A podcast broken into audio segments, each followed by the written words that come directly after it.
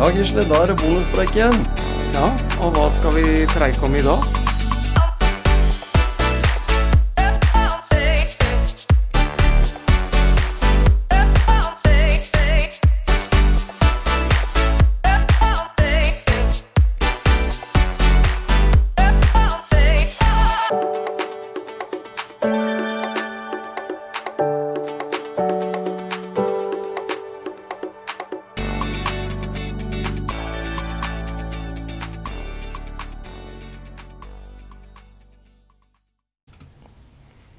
Ja, Gisle, du var frista i denne bonuspreiken å prate om noe tema som du brenner litt for.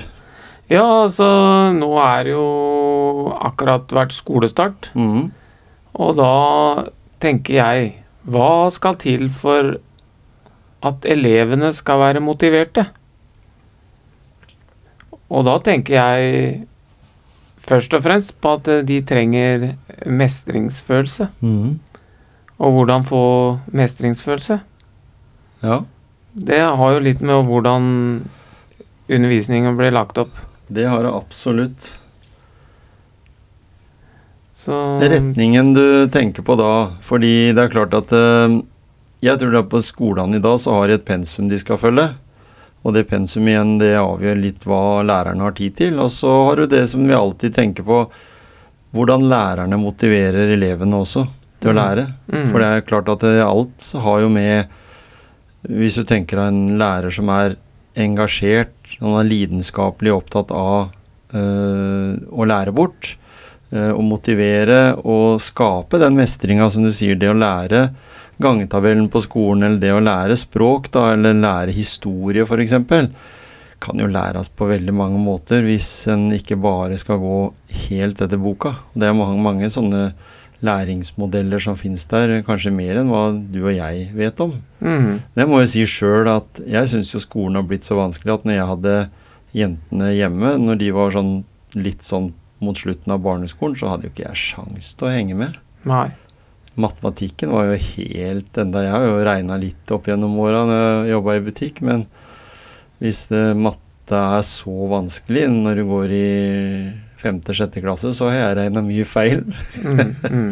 Så det, er- det er jo liksom Men da Det er jo liksom hvordan det blir lagt opp, Ja, også at uh, eleven forstår. ja ikke sant? Og så Det er jo sånn at uh, når man mestrer noe, så gir jo det eh, genererer jo det motivasjon. Ja, Så hvis du har lav mestring, så er det jo lav motivasjon. ikke sant? Men det som er viktig, tenker jeg, det er jo at, eh, at det er en realisme i det du lærer, da. At Ja. elevene skjønner hvorfor de lærer det.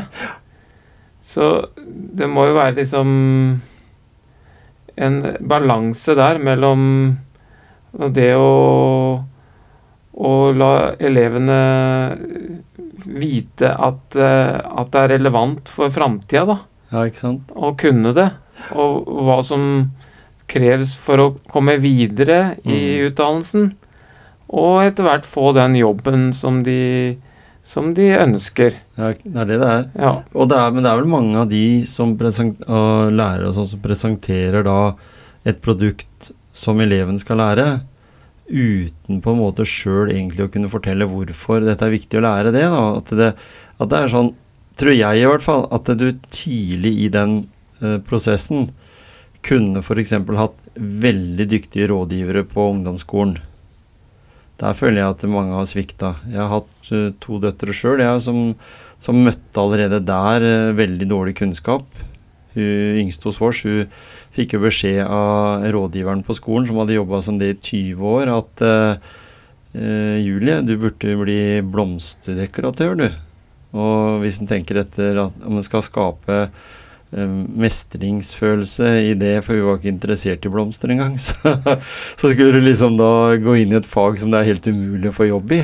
Og det var liksom eh, rådet fra rådgiveren. ja, og da er jo rådgiveren ikke kompetent Nei, nok på en måte da, til Også- å se, se eleven. Og så når du kom da på Hun eldste kom på lærerskolen og fikk klar beskjed om, sammen med mange andre elever, at det å bli lærer, det var hardt. Og det var sånn at de måtte belage seg på å ikke få jobb på en stund. det er en god start og en motiverende start for Mm. mange. De slutta jo, mange av de, da, Mm. på bare etter eh, noen uker. Mm. Så det blir jo liksom, og som jeg har hørt eh, flere av disse sykepleierstudentene si òg, at de møter eh, lærere som ikke har utøvd faget på over 20 år. Jeg håper inderlig at helsevesenet har utvikla seg de siste 20 åra. Mm. Mm.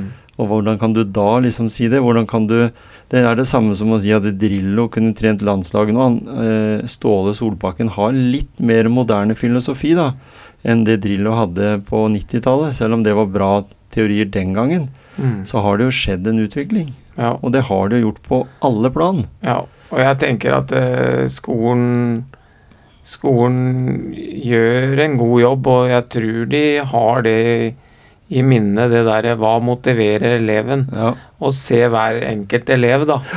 Sånn at, eh, at eh, på en måte det er eh, en balanse da mellom de der forventningene til eleven og, og liksom det, det, altså det, det må forventes av eleven.